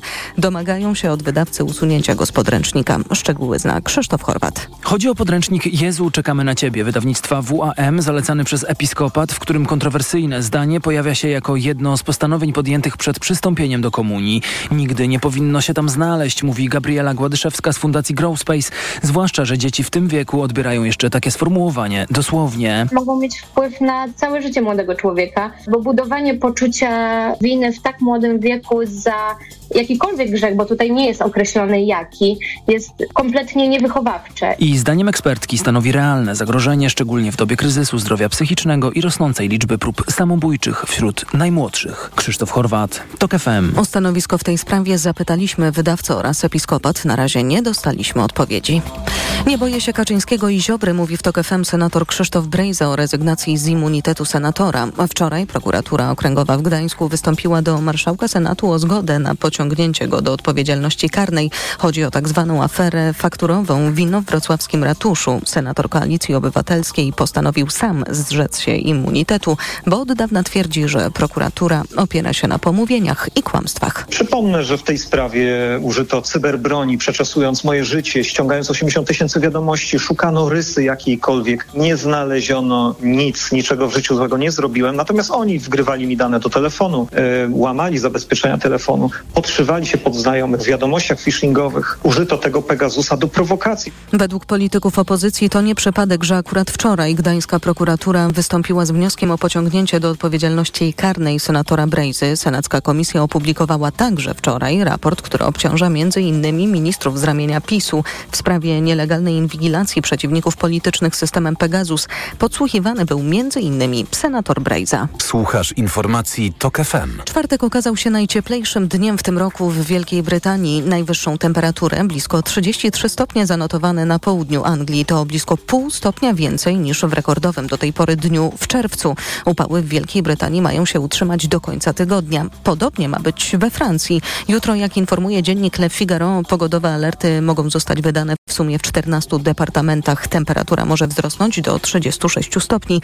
Według klimatologów wyjątkowo wysokie temperatury we wrześniu to wynik zmian klimatycznych spowodowanych działalnością człowieka. Nie tylko zwiększają one dotkliwość fal upałów, ale też ich wczesne i późne występowanie. Komisja Europejska rozpoczęła konsultacje w sprawie populacji wilków w Europie. Do 22 września zaproszone przez Brukselę społeczności lokalne, naukowcy, a także inne zainteresowane strony powinny przedstawić dane na temat populacji tego gatunku. Skupienie w watach wilków w niektórych regionach Europy stało się realnym zagrożeniem dla zwierząt gospodarskich i potencjalnie także dla ludzi, powiedziała szefowa komisji Ursula von der Leyen. Co o tym sądzą aktywiści zajmujący się prawami zwierząt? Dopytywał Sebastian Wierciak. To straszenie wilkiem dziwi Agnieszka Z WWF Polska. W rzeczywistości tak naprawdę nie ma w Europie dowodów na ofiary śmiertelne, które miałyby związek z wilkami w tym stuleciu. Ryzyko ataków jest e, bardzo niskie. Jako gatunek rodzimy wilk jest integralnym elementem dziedzictwa przyrodniczego Europy. Podobnie jak inne duże drapieżniki ma coraz mniej miejsca do życia przez działalność człowieka. Miejmy nadzieję, że te dane posłużą e, Komisji Europejskiej wyłącznie do tego, aby określić jaka jest liczebność e, tego gatunku w całej Europie, a nie otworzy drzwi do zdjęcia ochrony gatunkowej. Dziś, jeśli wilk zaatakuje zwierzę w gospodarstwie, to rolnik otrzymuje odszkodowanie. Jeśli przestanie być gatunkiem chronionym, rekompensat nie będzie. Sebastian Wierciak, TOK FM. I na koniec jeszcze sport. Mecz Polska-Wyspy Owcze na Stadionie Narodowym mija 21 minuta spotkania i mamy bezbramkowy remis. Polscy piłkarze po trzech meczach eliminacji do Euro 2024 mają na koncie tylko trzy punkty, potrzebują sześciu w, w dwóch najbliższych meczach, by zachować szansę na awans. Pogoda. Noc pogodna na termometrach od 10 stopni na wschodzie do 16 na zachodzie i nad morzem. Jutro znów słonecznie w całym kraju, nigdzie nie powinno padać, a na termometrach w ciągu dnia 25 stopni w Katowicach, 27 w Łodzi i Warszawie, do 30 w Szczecinie. Radio TOK FM. Pierwsze radio informacyjne. Debata TOK FM. 9 minut po godzinie 9, 21.09. E, pierwsza debata w naszym cyklu debat w Radiu TOK FM, kluczowych zagadnień związanych z tym, co się dzieje z naszym społeczeństwem, gdzie mamy e, największe wyzwania. Oczywiście nie ma zdziwienia, zaczęliśmy od e, debaty o zdrowiu. Naszymi gośćmi byli reprezentanci pięciu największych partii politycznych, którym zadawaliśmy pytania. Część z tych pytań To były pytania inspirowane przez to, co Państwo słuchacze i słuchaczki przysłali do nas na adres debata małpatok.fm. Debata małpatok.fm. Kolejna debata już we wtorek e, i proszę, jeśli Państwo chcą, to nawet dzisiaj wysłać e, pytania do, do tejże e, debaty. A ja chciałem szczególnie podziękować, e, no oczywiście dziękuję wszystkim słuchaczom, którzy przysłali nam pytania na adres debata małpatok.fm, debata małpatok.fm. E, chciałem podziękować szczególnie panu Aleksandrowi, e, który napisał do nas tak. Będąc studentem medycyny zainteresowanym chirurgią ogólną, nieustannie słyszę od starszych lekarzy, że popełniam duży błąd. To przecież nie gdzieś normalne oddziały chirurgiczne, które jakoś przez lata dawały sobie radę finansowo i kadrowo. W takim razie co ostatnio się dzieje, że coraz częściej słyszymy o zamykaniu oddziałów? Dlaczego? No i pan Aleksander sugerował dwie rzeczy, które mogą być dużym problemem, że nieadekwatna wycena procedur. Słyszeli Państwo, że list od pana Aleksandra się y, przekuliśmy w pytanie do naszych gości. No i zbyt mało chirurgów. A o czym? Jak o czym? Jak wszyscy słyszeliśmy o tym, że mało jest ludzi do pracy, a ci, którzy pracują jako lekarze i pielęgniarki są coraz starsi. Mówiliśmy politycy mówili dziś bardzo, bardzo długo. Numer do Radia Tok FM to 22 44 044. Jest z nami pan Robert z Gorzowa Wielkopolskiego. Dobry wieczór, panie Robercie. Dobry wieczór, kłaniam się nisko. Słuchamy pana. E, witam pana redaktora, witam państwa. Jestem wiceprezesem e, Szpitala Wojewódzkiego w Gorzowie Wielkopolskim. Przysłuchiwałem się tej debacie z e, uwagą i wtedy, kiedy padło słowo kardiochirurgia, uznałem, że powinienem spróbować dodzwonić mhm. się do państwa i powiedzieć o kilku moich przemyśleniach. Jesteśmy chyba jedynym szpitalem w, w Polsce, który nie mając kontraktu z NFZ-em, czyli nie mając finansowania, wykonuje zabiegi kardiochirurgiczne kardiochirurgiczne. NFZ uznaje, e, że takie zabiegi nie są potrzebne w, w naszym szpitalu, w całej północnej części województwa lubuskiego.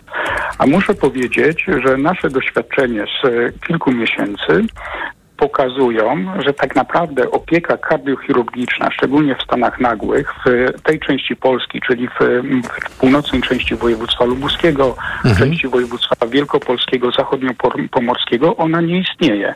No chyba, że pacjent ma dużo szczęścia i choruje między poniedziałkiem godziną 7 a czwartkiem godziną 15, mm. bo to, bo to widzimy te, tego rodzaju przypadki, choćby przypadek e, pacjenta w Pilek, który trafił do szpitala, e, gdzie lekarze próbowali znaleźć miejsce pacjentowi w stanie zagrożenia życia w Poznaniu, w Bydgoszczy, w Grudziądzu. Nigdzie tej pomocy nie było, bo po prostu był długi weekend. Tak to a, wygląda. Dobrze, ale proszę nam powiedzieć, jak to jest, kiedy pan słyszał to, co politycy politycy mówili o tworzeniu mapy potrzeb zdrowotnych jako podstawie reformy mm, systemu, to pan uważa, że to jest dobra droga, że ona by właśnie w takich sytuacjach, o których pan mówi, y, by pomogła? Wie pan, mapa potrzeb zdrowotnych tak, planowanie tak, tylko to planowanie powinno być rozsądne. My w naszym województwie mamy sytuację taką, że jest jeden oddział kardiochirurgii e, i to jest oddział, który jest prowadzony przez polsko-niemiecką spółkę, która dzierżawi kawałek szpitala e, w Nowej Soli i tam świadczy te usługi. E, dostęp pacjentów z północnej, z północnej części województwa jest w zasadzie niemalże żaden do opieki kardiochirurgicznej. Tak wyglądają fakty, ale mógłbym hmm. mówić o, e, o tych rzeczach takich incydentalnych. Natomiast e, e, Pan cytował chirurga, który tak. mówił o wycenach procedur. I to jest tak naprawdę problem systemowy. Problem systemowy polega na tym, że znacząca większość wycen procedur jest zaniżona, typu chirurgia interna, bo szpitale muszą to mieć. Jest trochę mm, procedur wysokospecjalistycznych typu PET, typu kardiochirurgia, które są wycenione dość dobrze. I co się dzieje? Dzieje się tak, że mm, my systemowo w Polsce prywatyzujemy niestety to i w te nisze wchodzą tak jak w województwie lubuskim w PETA próbował wejść prywa, próbowała wejść prywatna spółka. W kardiochirurgię jest polsko-niemiecka prywatna spółka, która de facto ma monopol w województwie lubuskim. I na tym polega problem. My w naszym systemie mamy mało środków e, i te środki e, zamiast kumulować w szpitalach publicznych e, to y, ci prywatni przedsiębiorcy, którzy świadczą te usługi, oni z tych naszych pieniędzy żyją. A, a, a przypadku kardiochirurgii jest już kuriozum, bo niewystarczające środki systemu ochrony zdrowia są transferowane do Niemiec. To, to, o czym pan mówi, jest pewnie dla wielu słuchaczy i słuchaczek zaskakujące. Jak pan widzi rozwiązanie takiej sytuacji? To znaczy, żeby nie nastąpiła taka, nie wiem jak to powiedzieć, nierówno... To, co pan powiedział, takie ten, prywatyzacja w pewnym sensie tych naj, najdroższych zabiegów, to jakie pan widzi rozwiązanie tego? Mapa potrzeb zdrowotnych powinna wyglądać tak. Dla pacjenta, jakby pacjent powinien być na pierwszym miejscu. Dla pacjenta, jakby te y, największe placówki, najbardziej wyspecjalizowane placówki, to powinny być placówki, które zapewniają mu pomoc. Dziś jest tak, że, że tą pomoc zapewniają ci, którzy mają być może lepsze dojście, być mhm. może lepsze kontakty. I dzisiaj oni w jakiś sposób uwłaszczają się i korzystają z publicznych środków niedostatecznych publicznych środków w systemie ochrony zdrowia. No dobrze, ale myślę, widzi pan tematy... rozwiązanie tego, panie Robercie, bo to jest trochę tak, że część może słuchaczy jest zdziwiona, część może miała już takie doświadczenia, o których pan mówi, no ale czy co, systemowo powinno być tak, nie wiem, pan, pan by na przykład zaka- zak- przeciął ten transfer środków i powiedział, dobra, wracamy do systemu jednoznacznego, scentralizowanego, gdzie mamy kontrolę pełną nad tym, yy, kto gdzie płaci za jakie świadczenia? Nie, oczywiście system konkurencyjny jest najlepszy i to, i to jest oczywiste. Natomiast ten, ten system powinien być prawdziwie konkurencyjny. E, natomiast on taki nie jest, bo, bo te, te przypadki dwa, które ja pokazuję, PETA czy kardiochirurgii, mhm. pokazują, że de facto monopol w województwie mają prywatne przedsiębiorstwa, a e, szpitale publiczne e, nie są dopuszczane do tych wysokospecjalistycznych procedur. I to jest dzisiaj dużym problemem, nie, nie dla finansów też, ale przede wszystkim dla pacjentów bo pacjent zamiast wyleczyć się w jednym szpitalu, mhm. musi jeździć po kilku ośrodkach i, i być może w dużych miastach to nie jest problem, ale w, pacjenci z małych miejscowości mają duży kłopot, żeby dojechać do PETA czy do kardiochirurgii w małej miejscowości. Ja, dobrze, ale panie, rozumiem, tylko czy ja dobrze rozumiem, że gdyby o wiele większe, znacząco większe pieniądze były na wycenę tych świadczeń dla, dla, e, dla, e, dla szpitali, dla placówek publicznych, to te na przykład jakieś prywatne przedsięwzięcia, one by nie wytrzymały konkurencji konkurencji? Wie pan, y, mi trudno powiedzieć, bo to jest kwestia zarządzania. Kto by wytrzymał konkurencję, kto nie. Ale nie chcę się wytrzymania konkurencji, tylko gdy, jeśli powstanie mapa potrzeb zdrowotnych, ona będzie dobrze zrobiona i okaże się, że w tym miejscu naszego kraju potrzebujemy takich, a nie innych świadczeń, to tam po prostu idą pieniądze i to duże pieniądze. To to by nie... No i, i, i, to, I to powinno być oczywiste, tylko dzisiaj to jest tak, że ta mapa, e, ta mapa transformacji, mhm. która powstawała w województwach, to ona jest, e, znów się od, odwołam do tego przypadku kardiochirurgii, to ona nie jest spowodowana tym, ilu pacjentów e, korzysta z pomocy kardiochirurga w mhm. każdym powiecie, tylko tym, że akurat w tym przypadku pan konsultant wojewódzki jest przy okazji prezesem polsko-niemieckiej spółki, która ma monopol na te zabiegi. I to jest problem, czyli nikt nie patrzy na to mhm. systemowo, tylko to są jakieś nie do końca mhm. czyste e, i czytelne zasady. Panie, e, panie wiceprezesie, e, nie musi pan odpowiadać na to pytanie, ale kończąc naszą rozmowę, czy pan po dzisiejszej debacie ma większą jasność, na którą partię polityczną będzie pan głosował, czy ta debata akurat nie zmieniła nic w pana preferencjach? Wie pan, no, ja mam swoje jasno określone preferencje, uh-huh. natomiast jakby najbardziej przysłuchiwałem się temu, co mówi pan wiceminister Piecha, uh-huh. bo byłem, z naszej inicjatywy powstała debata na Komisji Zdrowia odnośnie kardiochirurgii e, i to ta końcówka tej debaty odbyła się w taki sposób, że pan minister Piecha powiedział, że on dostał właśnie SMS-a od swojego kolegi kardiochirurga, który mu wszystko powiedział, jak to jest. Więc jeśli my w taki sposób będziemy postępowali, to systemowo nic nie załatwimy. Bardzo panu dziękuję, że pan do nas zadzwonił. Pan Robert z Gorzowa Wielkopolskiego, no, wiceprezes Szpitala Wojewódzkiego w Gorzowie Wielkopolskim był z nami. Bardzo dziękujemy za ten głos. Nasz numer to 22 44 044. Pan Adam z Łodzi jest z nami. Dobry wieczór, panie Adamie.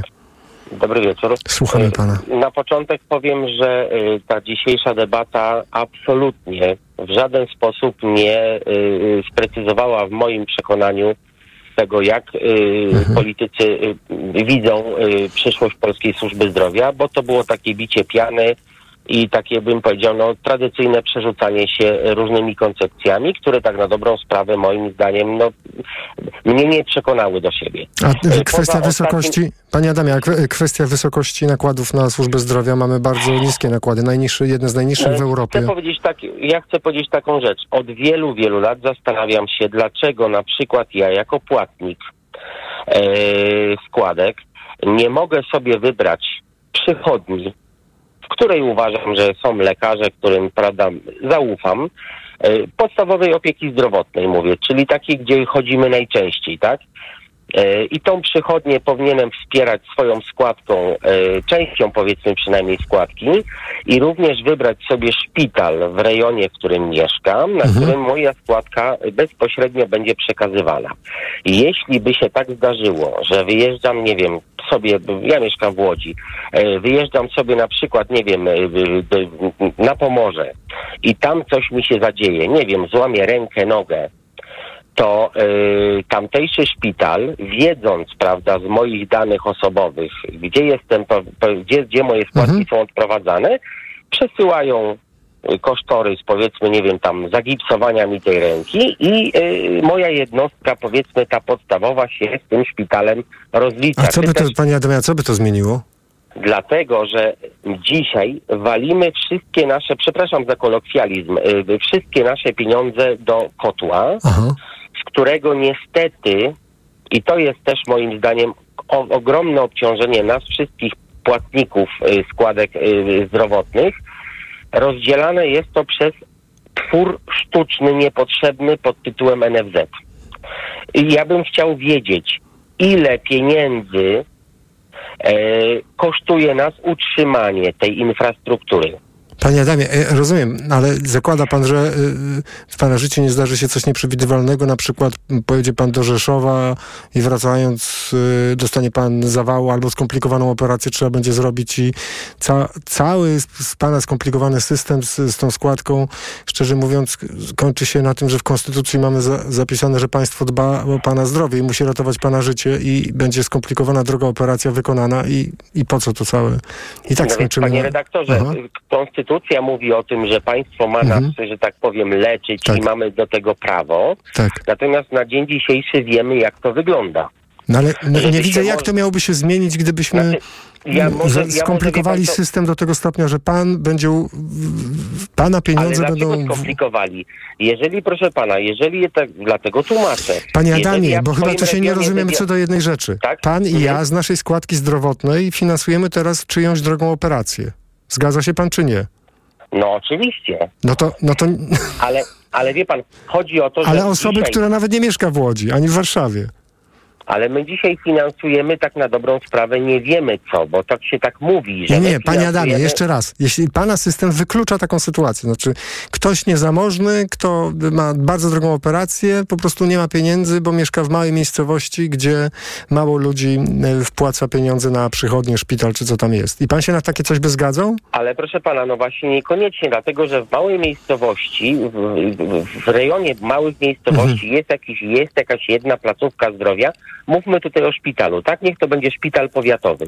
Wiadomo, że większa, zdecydowanie Mhm. większa liczba osób z tych miejscowości, no siłą rzeczy będzie chciała tam odprowadzać swoją składkę i tam się składać na ewentualne Ale leczenie chodzi takie bardzo Tak, tylko chodzi o to, skomplikowane. chodzi, chodzi o to, że tych skomplikowanych rzeczy nie robi się w niewielkich miejscowościach, tylko w dużych miastach i my się, i Ale pan, i ja się pan, No właśnie niekoniecznie, bo ja powiem panu teraz taki przykład. No jest takie na przykład takie miasto, myślę, że znane w Polsce jak Szczytno. Chociażby, tak? No ale panie Adamie, ale tu przed chwilą szpital, miał pan, miał pan wiceprezesa szpitala wojewódzkiego w Gorzowie Wielkopolskim, który powiedział, jak to wygląda. A, ale widzi pan, powiedział również o tym, że pojawiają się z różnych przyczyn, wiemy, bo Mhm. pan powiedział, pan wiceprezes wyraźnie powiedział z jakich przyczyn, firmy prywatne, które, że tak powiem, mają większe możliwości póki co. Dlatego, że mają e, powiedzmy lepsze źródła finansowania i mają bogatszy kapitał założeniowy. Ale ja chcę powiedzieć co innego. Ja uważam, że cała niestety Ale pana bieda, pomysł jest dokładnie realizacją tej idei, to znaczy bogatsze e, e, gminy, ludzie są bogatsi, Ale więc ja będą odprowadzać. bogaty, panie redaktorze. Ale to nie o to chodzi. Ja Chodzi o to, że są miejscowości, gdzie ludzie- na leczenie, a nie na utrzymywanie struktur, bo to jest bolączka Rozumiem. dzisiaj. Czyli o, pan by chciał odbiurokratyzowania i sztucznego... O właśnie. Rozumiem. I tak, żeby pieniądze bezpośrednio, tak jak Mhm. dzisiaj było powiedziane, że z piechotą, tak, żeby pieniądze szły za pacjentem, co było główną ideą Tak. Wiele, wiele lat temu. Panie Adamie, tego nie ma. Bardzo dziękuję za pana głos. Dziękujemy, że pan do nas zadzwonił. Pan Adam z Łodzi był z nami. Pan Ryszard z Kielc. Dobry wieczór, panie Ryszardzie.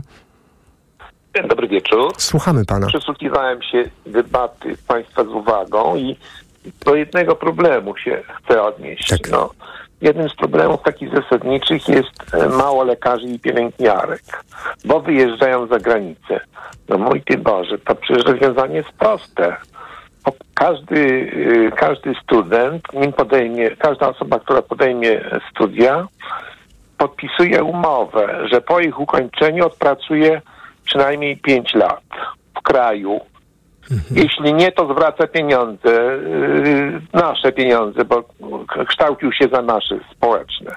Panie, panie Ryszardzie, pomysł genialny. Czy widzi pan oczyma wyobraźni te ogłoszenia w prasie? Oto szwedzkie Ministerstwo Zdrowia informuje, że zaprasza lekarzy z polskich. Na dzień dobry spłacamy wasz kredyt za studia.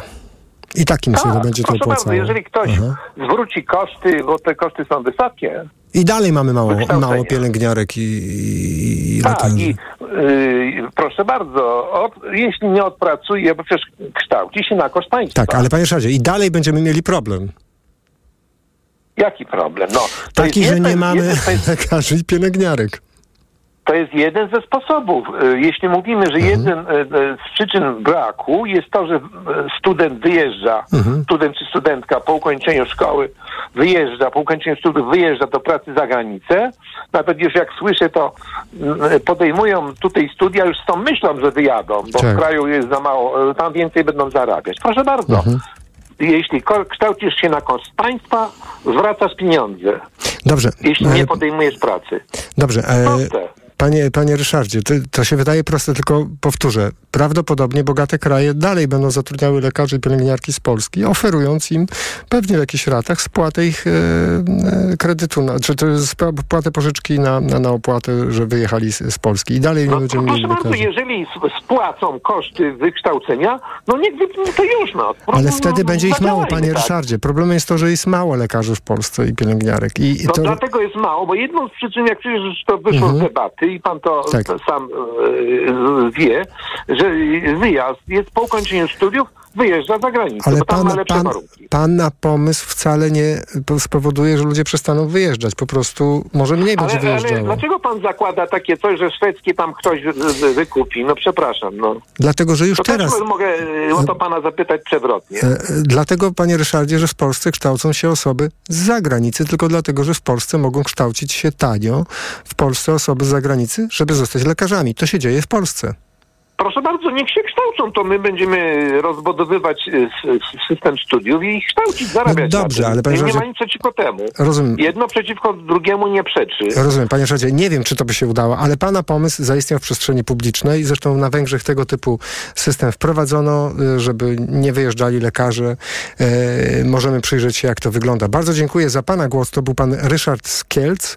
E, chciałem bardzo podziękować wszystkim słuchaczom, po pierwsze wszystkim słuchaczom i słuchaczkom, którzy do nas napisali na adres debata małpa.tok.fm e, debata małpa.tok.fm We wtorek mamy debatę. E, jak zwykle po godzinie 20 i jak zwykle w tym samym systemie, to znaczy przez cały e, dzień państwa, albo nawet przez cały tydzień, jak państwo, jak, jak państwu przyjdzie do głowy jakiś pomysł, proszę po prostu siąść do komputera, do telefonu komórkowego i napisać na adres debatamałpatok.fm. Jeśli państwo sądzą, że coś z publicznym transportem, z transportem kołowym, transportem szynowym, transportem lotniczym, poruszaniem się, jest głęboko nie tak w naszym kraju. Z jakiegoś powodu mają Państwo wrażenie, że o wiele lepszy mógłby być transport. Nie, mieszkają Państwo w miejscu, gdzie nie ma transportu publicznego, albo na przykład żyją Państwo w mieście i widzą Państwo, jak e, e dramatycznie się nie zgadza to, co jest potrzebą e, społeczności danej miejscowości, a tym, co oferuje transport publiczny. E, I widzą Państwo, że e, są rzeczy, o które warto pytać polityków, bo to są ewidentnie rzeczy, które weszły już do debaty publicznej. To nie są pomysły jakiejś grupki aktywistów miejskich, Tylko y, mieliśmy do czynienia już z progr programami, które miały na przykład, przypomnę, y, przywrócić y, ruch PKS-ów w terenach, gdzie jest wykluczenie transportowe. To proszę bardzo te wszystkie Państwa pomysły, inspiracje i pytania bezpośrednio do polityków wysyłać do Radia Tok FM na adres debatamałpatok.fm, a to dlatego, że w najbliższy wtorek 12 września e, Krzysztof Woźniak zaprosi polityków pięciu największych partii politycznych i będzie ich właśnie pytał e, o kwestie związane z transportem. To będzie kolejna debata w naszym cyklu, cyklu, który przed wyborami ma te główne e, bolączki naszego społeczeństwa skonfrontować z tym, co proponują politycy. Dziś, jeśli Państwo od początku nie słuchają naszej debaty, to przypomnę, że była z nami Katarzyna Lubnauer z Koalicji Obywatelskiej, Bolesław Piecha z Prawa i Sprawiedliwości, Marek Rutka z Lewicy, Dariusz Klimczak z Trzeciej Drogi, i Radosław Czosnowski z Konfederacji. W aplikacji TOK FM mogą Państwo wysłuchać całej tej debaty oraz Państwa głosów, które na naszej antenie wybrzmiały po godzinie 21. Bardzo dziękuję wszystkim słuchaczom i słuchaczkom za udział w programie. Karolina Kłaczyńska, Małgorzata Wołczyńska e, przygotowywały i wydawały dzisiejszy program. Program, który realizował Krzysztof Olesiewicz. Już, już za chwilę książka na głos. Książkę Richarda Osmana, Czwartkowy Klub Zbrodni czyta dla Państwa Filip Kosior. Jest 21.30, za 30 minut, za pół godziny informacje Radio Tok FM i rzut oka na prognozę pogody. Debata TOK FM. Tańczysz tu jak płomień i parzysz setką wspomnień. Czasem ciężko w nocy spać. Choć było tu więcej kobiet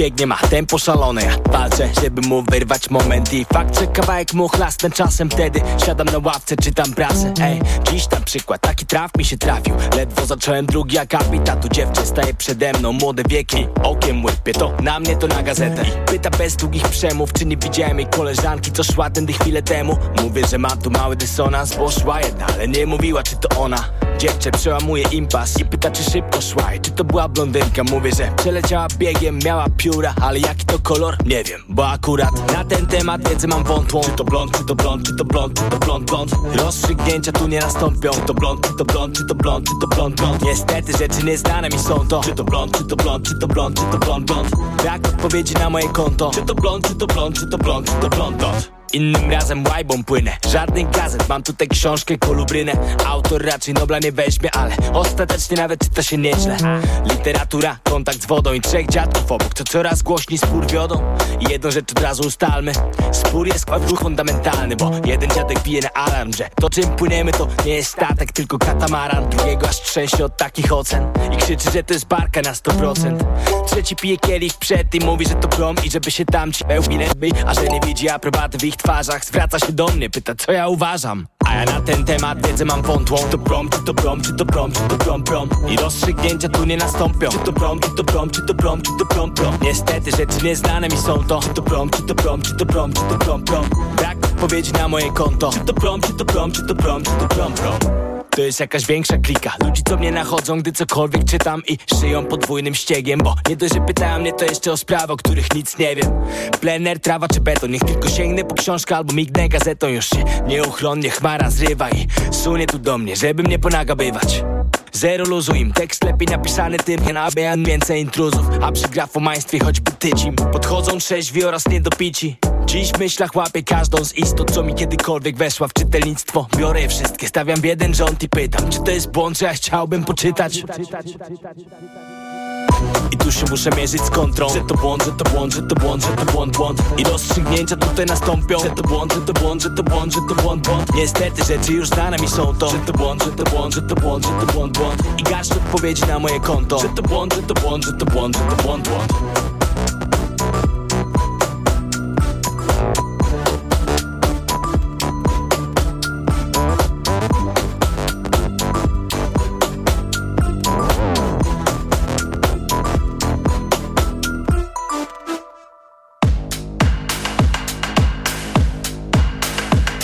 Gdy wszystko w sierpniu się